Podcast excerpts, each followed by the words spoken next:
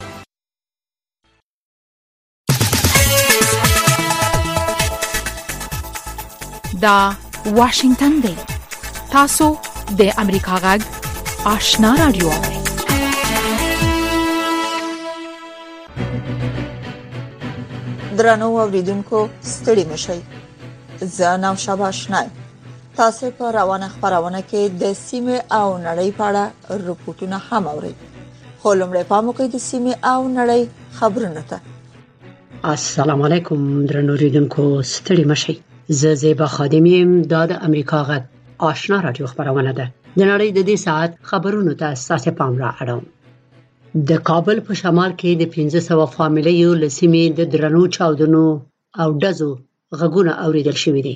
انټرنیټي شبکو او محلي مطبوعاتي شبکو د شپې نا وخته د درنو چاودنو او د پرله پسې ډزو په حق له راپورټونه خبر کړي چې ویل کېږي څو ساعت روانې وي د طالبانو د کورنیو چارو وزارت هم دومره منلې ده چې د 1500 فامیلیو په سیمه کې تصفیوي عملیات ادامه لري د ننګرهار د برېښنا د ریاست د ویاند او لیکوال ظاهر امار د نیول کېدو خبر ورکړ شوی دی د امار د کورنۍ غړو ویلي دي چې د طالبانو استخباراتو ظاهر امار نیولې او لدې عملي نیولې دی چې د بدخشان په پوهنتون کې د جنونو وهل غندلي وو د ظاهر امار د کورنۍ غړي ادعا کوي چې نوموړی د اکتوبر په یو دیرشمه نیټه په ننګرهار کې د طالبانو لخوا ونیول شو درې ورځې وروسته د قومي مشرانو په ضمانت آزاد شو خو سبا ته بیرته ونیول شو او تر اوسه معلومه نه ده چې چیرې ده او څنګه ده د امریکا غږ آشنا رادیو نه د سیمې او نړۍ خبرونه اوري د اسلامي همکاریو سازمان وایي چې یو لوړ رتبه هیئت په کابل کې دی په مهمو سیاسي، حقوقي او بشري مسایلو خبرې کوي. د سازمان د شنبې په شپه په ټویټر کې لیکلي دي چې د سرمنشي ځانګړی استازی طارق علي بخیت په کابل کې د طالبانو د بارنیو چارو له سرپرست وزیر امیر خان متقي او د عدلیې د سرپرست وزیر عبدالحکیم سره لیدلي او د افغانستان په سیاسي، بشري، اقتصادي او حقوقي مسایلو یې خبرې کړې دي. همداشان ښاغلي طارق پرون د پخواني جمهور رئیس حامد کرزي سره هم کتلي دي ښاغلي کرزي په فیسبوک کې لیکلي دي چې تعلیم د بشري ټولنې د ترقۍ اساس دی او په دې برخه کې د افغانستان سره د اسلامي همکاریو د سازمان نه مرسته غوښتې ده د افغان ښځو او نجونو د حقوقو په چارو کې د امریکا د متحده ایالاتو ځانګړې استازې رینا امیری په ښځو د طالبانو د تازه محدودیتونو په حق له اندېښنه خوده ده په افغانستان کې د طالبانو د امر بالمعروف او نهي عن المنکر وزارت عامه پارکونو ته د خزو په تک بندیز لګولې ده لینا اميري د نومبر په 12مه په ټوئیټر کې لیکلي دي چې په افغان مېرمنو د طالبانو د حکومت تازه محدودیتونه به په افغانستان کې د فقر بې ثباتۍ او د خلکو د تېښتې د لا زیاتوالي سبب شي همداشان د افغانستان لپاره د امریکا د متحده ایالاتو شاهزفرې کیرن لیکر هم دا نوې بندیز بې معنا بللی دی طالبانو د دې نه مخکې پارکونو ته د تګ لپاره د میرمنو او سړیو لپاره بیل بیل ورځې ټاکلې وي نړیوالې ټولنې ویلي دي چې طالبان غواړي مشروعیت پیدا کړي باید د میرمنو په مقابل کې خپل تګ لار بدل کړي مګر طالبان وایي د میرمنو حقوقو ته د اسلامي شریعت مطابق درناوی کوي بل پلو د طالبانو د حکومت ویاند ذبیح الله مجاهد په ټوئیټر کې د تازه تعیناتو خبر ورکړی دی هغه لیکلي دي چې د طالبانو د مشر د پریکړې په اساس د لوړو زده کړو په خوانی سرپرست وزیر عبدالباقی حقانی د ازموینو د ملي ادارې د رئیس په توګه ټاکل شوی همدغه راز قاری صلاح الدین ایوبی چې په خوا د کلیو د بیارغونې او د پراختیا د وزارت مرستیال وو د زابل د امنیه قومندان ډاکټر ګل محمد عثمان د افغانستان د طبي شورا د سرپرست رئیس په توګه ټاکل شوی د طالبانو په سرپرست حکومت یو اعتراض همدا دی چې په مقرریو کې د ورتیا اصل په پام کې نه نیسي د سیمې او نړۍ خبرونه د امریکا غږ آشنا رادیو نه اوري د متحده ایالاتو د کانګرس د منځنۍ دورې په انتخاباتو کې دیموکراتانو وکړې شو چې یو ځل بیا د سنا په مجلس کې اکثریت رای ترلاسه کړي د خبر تفصیل ته مو پام را اړوم د ګوند د نیواډا په ایالت کې د سنا مجلس ته د سناتوري کاترین کورټیز ماستو په بیا ټاکل کېدو وکړې شو دغه بریا ترلاسه کړي او د ولسمشر جو بایډن واکمن ګوند به د سنا په مجلس کې 50 څوکۍ ولري د نیواډا په ایالت کې د میرمن کورټیز ماستو په مقابل کې د جمهوریت غوښتونکي ګوند لخوا د دې ایالت په خوانې لوی څارنوال اډم لاګزلټ ماتي وخړه دیموکراتانو د نیواډا ترڅنګ د اریزونا په ایالت کې هم د سنا د مجلس ټاکنې وګټلې او یوازې د جورجیا ایالت د ټاکنو پایلې تر اوسه نه دي څرګندې شوي احمد الله چیوال اشنا رادیو واشنگټن د اوکراین جمهور رئیس ولادیمیر زیلنسکي ویلي دي چې روسي قواو د اوکراین په جنوبي ښار خرسون کې د تېښتې نه مخکې مهم تاسیسات تباه کړي دي زیلنسکي په داسې حال کې دا خبره کوي چې د روسیې او ایران جمهور رئیسانو خپل ملکونو ترمنځ د اقتصادي، سیاسي او تجارتي اړیکو د لا پیاوړي کولو ژمنه کړې ده. زیلنسکي ویلي په ختیځې سیمې دونس کې د جمعې په ورځ د روسي پوځیانو د وتلو نه وروسته د روسیې د پلوي قواو سره دومره سخته جګړه وشوه چې د فبرورۍ په میاشت کې د دې جنګ د پیل راهیسې تر اوسه پورې کله نه و شوې د رویټرز خبري اژانس د ترکیې د جمهور رئیس رجب طیب اردوان له قوله خبر ورکړی دی چې د ترکیې د تورې بهیرې د غازو د سیمې پایپلاین د وادي سره سم په راتلونکي کال کې بیرته چالانېږي او کار چټک روان دی چې د ملي تاسیساتو سره ونښلول شي رویټرز خبر ورکړی دی چې په ایران کې دوه نور فرانسویان بندیان شوي دي د دې کسانو په نیول کېدو په ایران کې د فرانسوي اتباعو شمیر وو کسو ته ورسېده د فرانسې خارجه وزیر د شنبې په ورځ وویل چې د دې کسانو نیول دغه دوه ملکونو د اړیکو د نورې خرابۍ علامه ده او د عراق صدر اعظم محمد شیعه السودانی شنبه په ورځ خبريالانو ته ویلي دي چې عراق لیواله دی چې د تیلو بیې ثابت وي او بیرل د 100 ډالرو نه زیات نشي زیبا خادم، امریکا غږ، واشنګټن.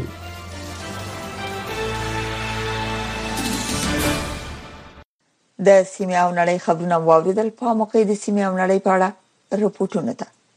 ټاکل شوې د را روانه چهارشنبه په ورځ مسکو کې د امریکا او د طالبانو د استازو پرته د مسکو فارمټ د غونډو په لړ کې یو بل غونډه جوړه شي افغانستان لپاره د روسیې ځانګړي استاذي زمیر کابلوف ویلي د غونډې پایله به د طالبانو حکومت سره شریکې کی د چارو یو شمیر افغان کارپوهان وایي د امریکا او د طالبانو د استاذو نه ګډون به د غونډو په پایلو اغیزې ولري په دې اړه نور تفصیل د اکرام شینواری پر رپورت کې اوري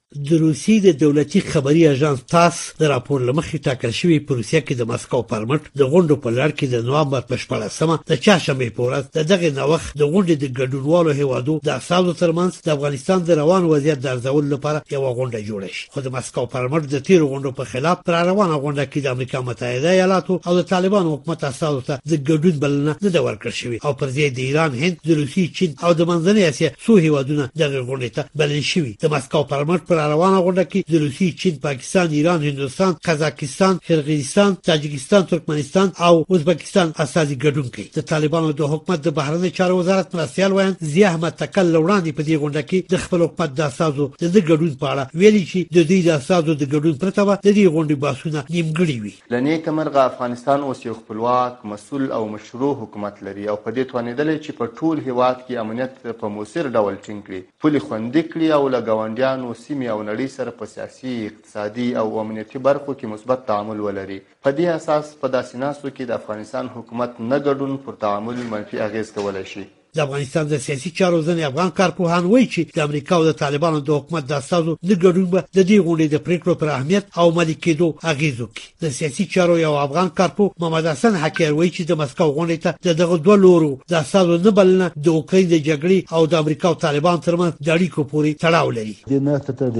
امریکا او امارات د نه دعوت وجوهات تحریمی او انتقامی دی روسان امارت ته د پړی ګوته ځکه نیسی چی ددوی په باور دوی د پراخ بنسټه حکومت په جوړښت داعش سره په مبارزی او د روسی په سفارت په برید کی ناکامه شوی خو زما په باور اساسی نارضایتی د امریکا سره د دوی نژدی کیدنګ دی. طبیعي خبره ده چې کومه ناسته د افغانستان په اړه جوړېږي او افغانان پکې ګډون ونه لري، پرېکړې به ډېرې اغېزمنې نه وي. د سیاسي چارو یو بل کارپوه احمد سیدي وایي چې کوم باور چې روسیې او د دغه هېواد ملاتړو د طالبانو پر حکومت لره، هغه اعتماد اوس ټکنی شوی دی. بیا نو روسیه او چین نه غواړي چې نور د طالبانو سره نژدې اړیکې ولري. البته د امریکا په دعوت په باره کې دومره چې مخالفت په اوکراین کې دی، دا غیر ممکن دی چې وزیر خارجه یې روسیه لاوروف او وزیر خارجه په امریکا په یو بس کې وکړي خبرې وکړي دا غیر ممکن ده د سیاسي چارو یو بل کارپو حکمت الله حکمت هم د مسکو پر مټ غونډې ته د طالبانو د حکومت د استازو نه بدل د امریکا او طالبان ترمنځ اړیکو پورې مربوط ګڼي او چې په پاکستان کې سیاسي بدلون او د امریکا او طالبان ترمنځ وروستیو تماسونو روسي او دغه هیواد د ملاتړو هیوادو اندېښنې زیاتې کړي درواقعیت بازیګران منطقوي و بین المللي ده. ښاغلي حکمت وویل، په واقعیت کې سیمه ییز او نړیوال لوبغاړو ته دا اندېښنه پیدا کړې چې که چیرې اسلامي امارت امریکا سره روغه وکړي ممکن د سړې جګړې د وخت په څېر د افغانستان جغرافیه بیا د روسیې، چین، ایران او هندوستان د ګټو پر خلاف به وکارول شي. استعمال شول.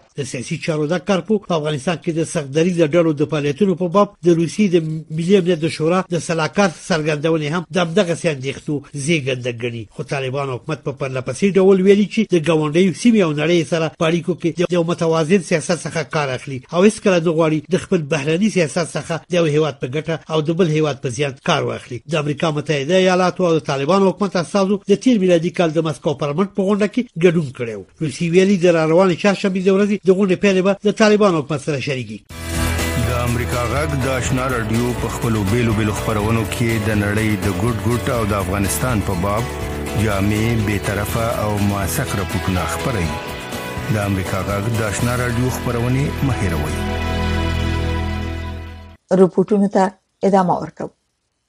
د بخښنې نړیوال سازمان د طالبانو د حکومت لخوا پارکونو ته د خزو پر تک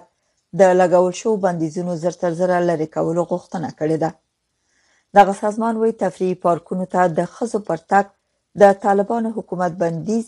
په افغانستان کې د خزو او جنو د حقونو په وړاندې یو بل گزار دی تر دې مخکې د ملګرو ملتونو عمومي اسمبلۍ هم له طالب چارواکو نه غوښتي چې د نجونو او خزو د بشري حقوقو او ازادیو محدود کوونکې تګلارې او مقررات لغوه کړي د بخښنې نړیوال سازمان وایي طالبان په سیستماتیکه توګه د میرمنو پر حقونو برید کوي د سازمان له طالبانو غوښتي چې ژر تر ژره پارکونو ته د میرمنو پر تک بندیز لري کړي ما شاهد نقص حقوق بشری زنان به صورت سیستماتیک به فضای هستیم آزادی زنا یا حق دسترسی زنا و حقوق اولیشان محدود شده است و این به صورت روزافزون یا به صورت فزایش جریان دارد ولی از طرف دیگر جامعه جهانی هم هیچ اقدام مشخصی که بخواد طالبا را در رابطه با نقص سیستماتیک و گسترده حقوق بشری حقوق زنان را خیر پاس و به قرار بده ای اقلام قاصی نکرده باید بخره.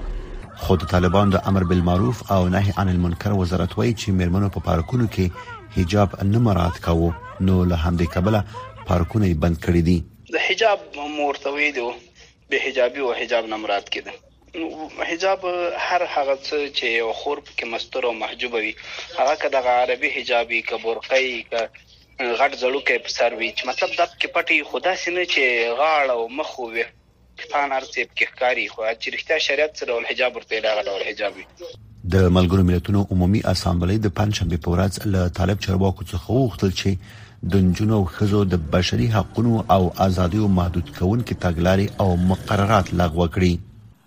افغانستان is in crisis. افغانستان په زیاتو کړکېچونو کې خېل دی 15 میاشتې وشو چې طالبان واک ته رسیدلی دي اقتصاد ویجاړ شوی دی بشري وضعیت یې د اندېښنې وړ دی د وګړو لدریو څخه دوه کسانې وګي دي نجونه او مرمنې لزده کړو کار کولو او سم روغتي خدماتو ته د لاسرسي نه بې برخې دي ملګرو ملتونو له شپږم ټولګي پورته د نجونو پر زده کړو د بندیز پر دوام هم اندېښنه ښودلې ده. Afghanistan is now the only state in the world افغانستان په نړۍ کې یوازنی هیواد دی چې پکې نجونې په بشپړه توګه د زده کړو حق نه لري له تیر کال راهیسې د طالبانو د یو شمېر فرمانونو لمخې د نجونو د زده کړو امکان ناڅرګند پاتې دی ملګری ملتونه وایي طالبان د افغانانو حقونه پر ځای کړی نه دي طالبان د هیواد واک په لاس کې لري خو د افغانانو پر وړاندې خپل مسؤلیت ادا کړی نه دی هغه د خلکو اړتیاو ته پاملرنه نه کوي په دې برخه کې یو همغږي نړیوال غبرګون خورا مهم دی د میرمن د حقونو یو شمېر فعالین وایي طالبان د نړیوال ټولنې څخه د مشروعیت ترلاسه کولو لپاره پر افغان میرمنو محدودیتونه وضع کوي. طالب از زنای افغانستان من حیث یک ابزار سیاسی به شکل بسیار بی رحمانه استفاده میکنه به خاطر فشار آوردن بالای جامعه جهانی و کشورهایی که میخواه از اونا مشروعیت بگیره دوم نقض حقوق بشری و نقض حقوق زنان در افغانستان یک بخش از آجندای وجودی خود طالبا است ملګری ملتونه او د میرمن د حقونو فعالین په داسې وخت کې د میرمنو د وضعیت په اړه اندیښنه ښودله چې طالبانو تل ویلي تر بل هر وخت اوس په افغانستان کې د خلکو حقونه خوندي دي وحید فیضی امریکا غږ انتظار پای ته ورسید ترنو لیدونکو او اوریدونکو تاسو کولی شئ د امریکا غا ټلویزیونی او رادیوي خبرونه د یاسات ساتلایت له طریقو وګورئ او واورئ د نوي ساتلایت لارې تاسو د آشنا اتصال او کاروان ټلویزیونی خبرونه کتلای هم شئ د امریکا غږ د افغانستان څنګه خبرونه په 398 چینل او د آشنا رادیوي خبرونه په 398 چینل کې اوریدلای شئ لملتيامو د تل پشان مننه تاسو زموږ غږ د واشنگټن د سټډیو نه اورئ د افغانستان د پخواني وسلوال پوځ یو جنرال وایي طالبان په سیستماتیک ډول د پخواني پوځ افسران او منسوبین ګواخي زنداني کوي شکنجه کوي او حتی په مرموز ډول وژني د پخوانیو وسلوالو ځواکونو ویاند جنرال اجمل عمر شینواری د امریکا غږ سره په مرکه کې ویلي چې د طالبانو په حاکمیت کې تر اوسه د افغانستان د پخوانی وسلوال ځواک تر دوه زرو نه زیات منسوبین په ډیره بې رحمۍ وژل شوي دي. متاسفانه متاسفانه چې د په تیرو 1415 میاشتو کې کم معلومات چې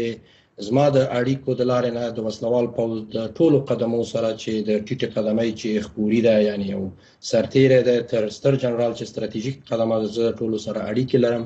تر اوسه پورې په دغه 15 میاشتو کې 2200 تنه زمونږ د پوځي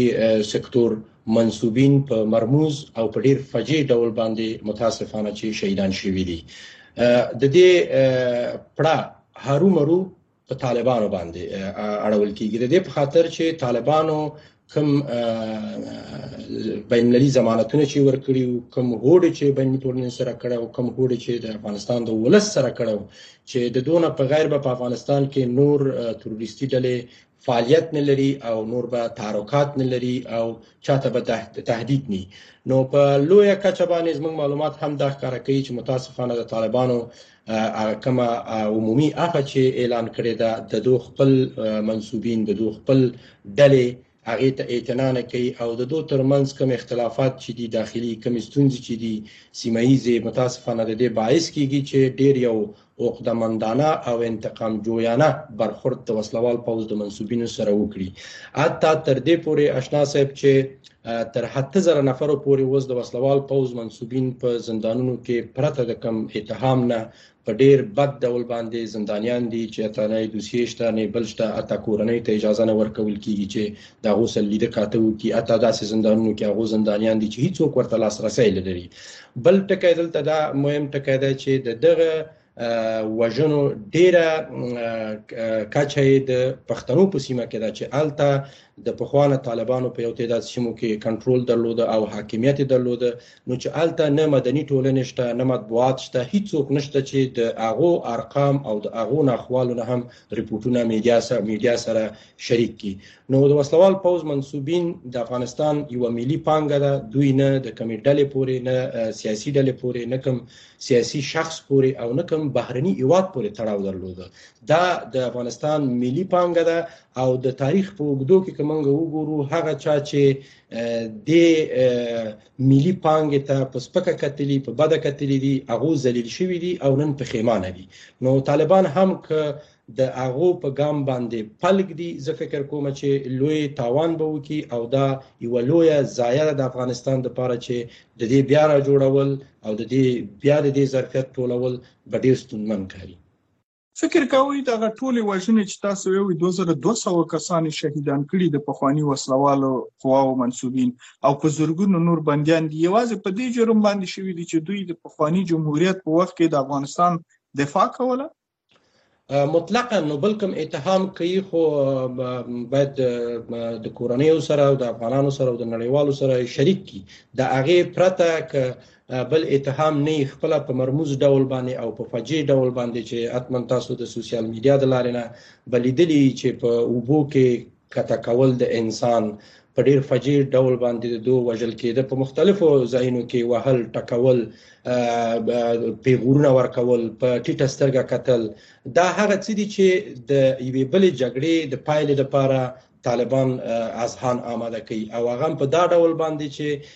د انتقام جویانه یوې جګړې په ډول باندې په دې چې د وسلوال پوز منسوبین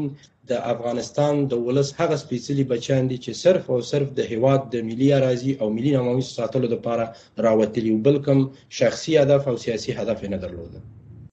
شینواری صاحب یو بله پوښتنه هم کوم شاید مستقیم ستاسې سره ډیر ارتباط ونه لري تاسې په دې وروستیو کې ولیدل چې په ټولنیزو شبکو باندې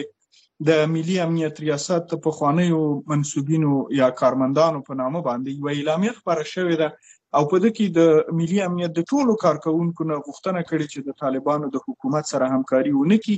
او بلکې دا یو دسیسه غني چې کېدې شي طالبان یې وپیژني او بیا یې ووجني په دې اړه باندې تاسو معلومات څه دي چې دا خطر واقعا موجود دی په افغانستان کې د ملي امنیت کارمندانو او کارکونکو ته مطلقاً مطلقاً تاسو وګورئ د طالبانو په هغه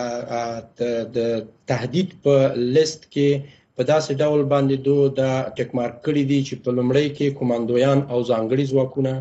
په دویمه قدمه کې د ملي امنیت ټول کارمندان او منسوبین په دریمه قدمه کې د ملي دفاع وزارت ټول منسوبین او په څلورمه قدمه کې د د کورنیو چارو وزارت چون زموږ استادو باس نن تنا په پوزي برخه کې ده نو د دوی د ټولو برخو سره متاسفانه چې د ټولو سکتورونو سره دوستونز لري کومه وګورو د خزو سره د ځوانانو سره د مطبوعاتو سره د فرهنګیانو سره د سیاسيونو سره نو نه پوهیږو چې دوی د چا سره پرته د خپل ځان نه جوړجاړی کولای شي او په خپل او په کاش کې چې دوی په خپل منځ کې هم یو جوړجاړی درلودلای یو دریز درلودلای دوی په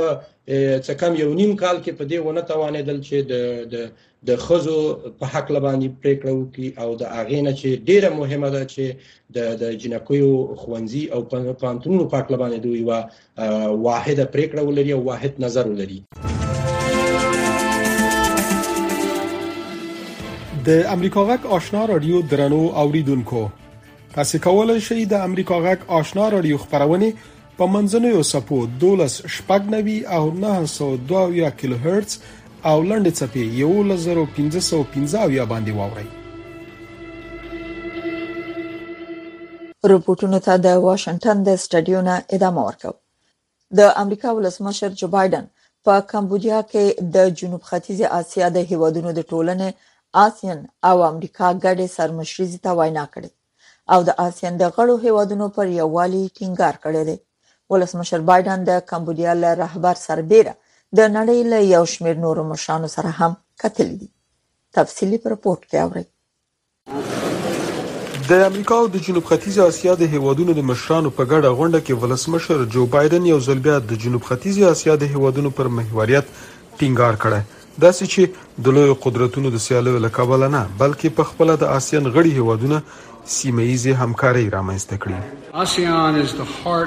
حکومت د هند د ارام سمندر د تګلارې له مخې، موږ د یو متحد او قوي آسیان لپاره د کار کولو ژمنې ته دوام ورکوو. د آن سان سو چي په مشرۍ د میانمار د حکومت پر ضد د تېر کال د پوځي کودتا مسله د غونډې یوه مهمه اجنډا ده. رهبرانو د میانمار حاکمانو ته خبرداری ورکړی چې د آسیان د سولې پلان عملي کړي او که داسې ونه کړي نو د آسیان له غونډو به محروم وساتل شي ټاکل شوې چې د انډونیزیا ولسمشر جوکو ویډیډو په راتلونکي کال کې د آسیان مشري وکړي تمه دا ده چې دی به د میانمار په برخه کې د ټولنې د اوسني مشر د کمبودیا د ولسمشر په نسبت جدي دریځ غوره کړي اندونیزیا وړاندیز کوي چې په غیر سیاسي کچه د میانمار استازیتوب د سرمشریزې او د بهرنیو چارو د وزیرانو له غونډې پرته په نورو برخو کې هم دوام وکړي.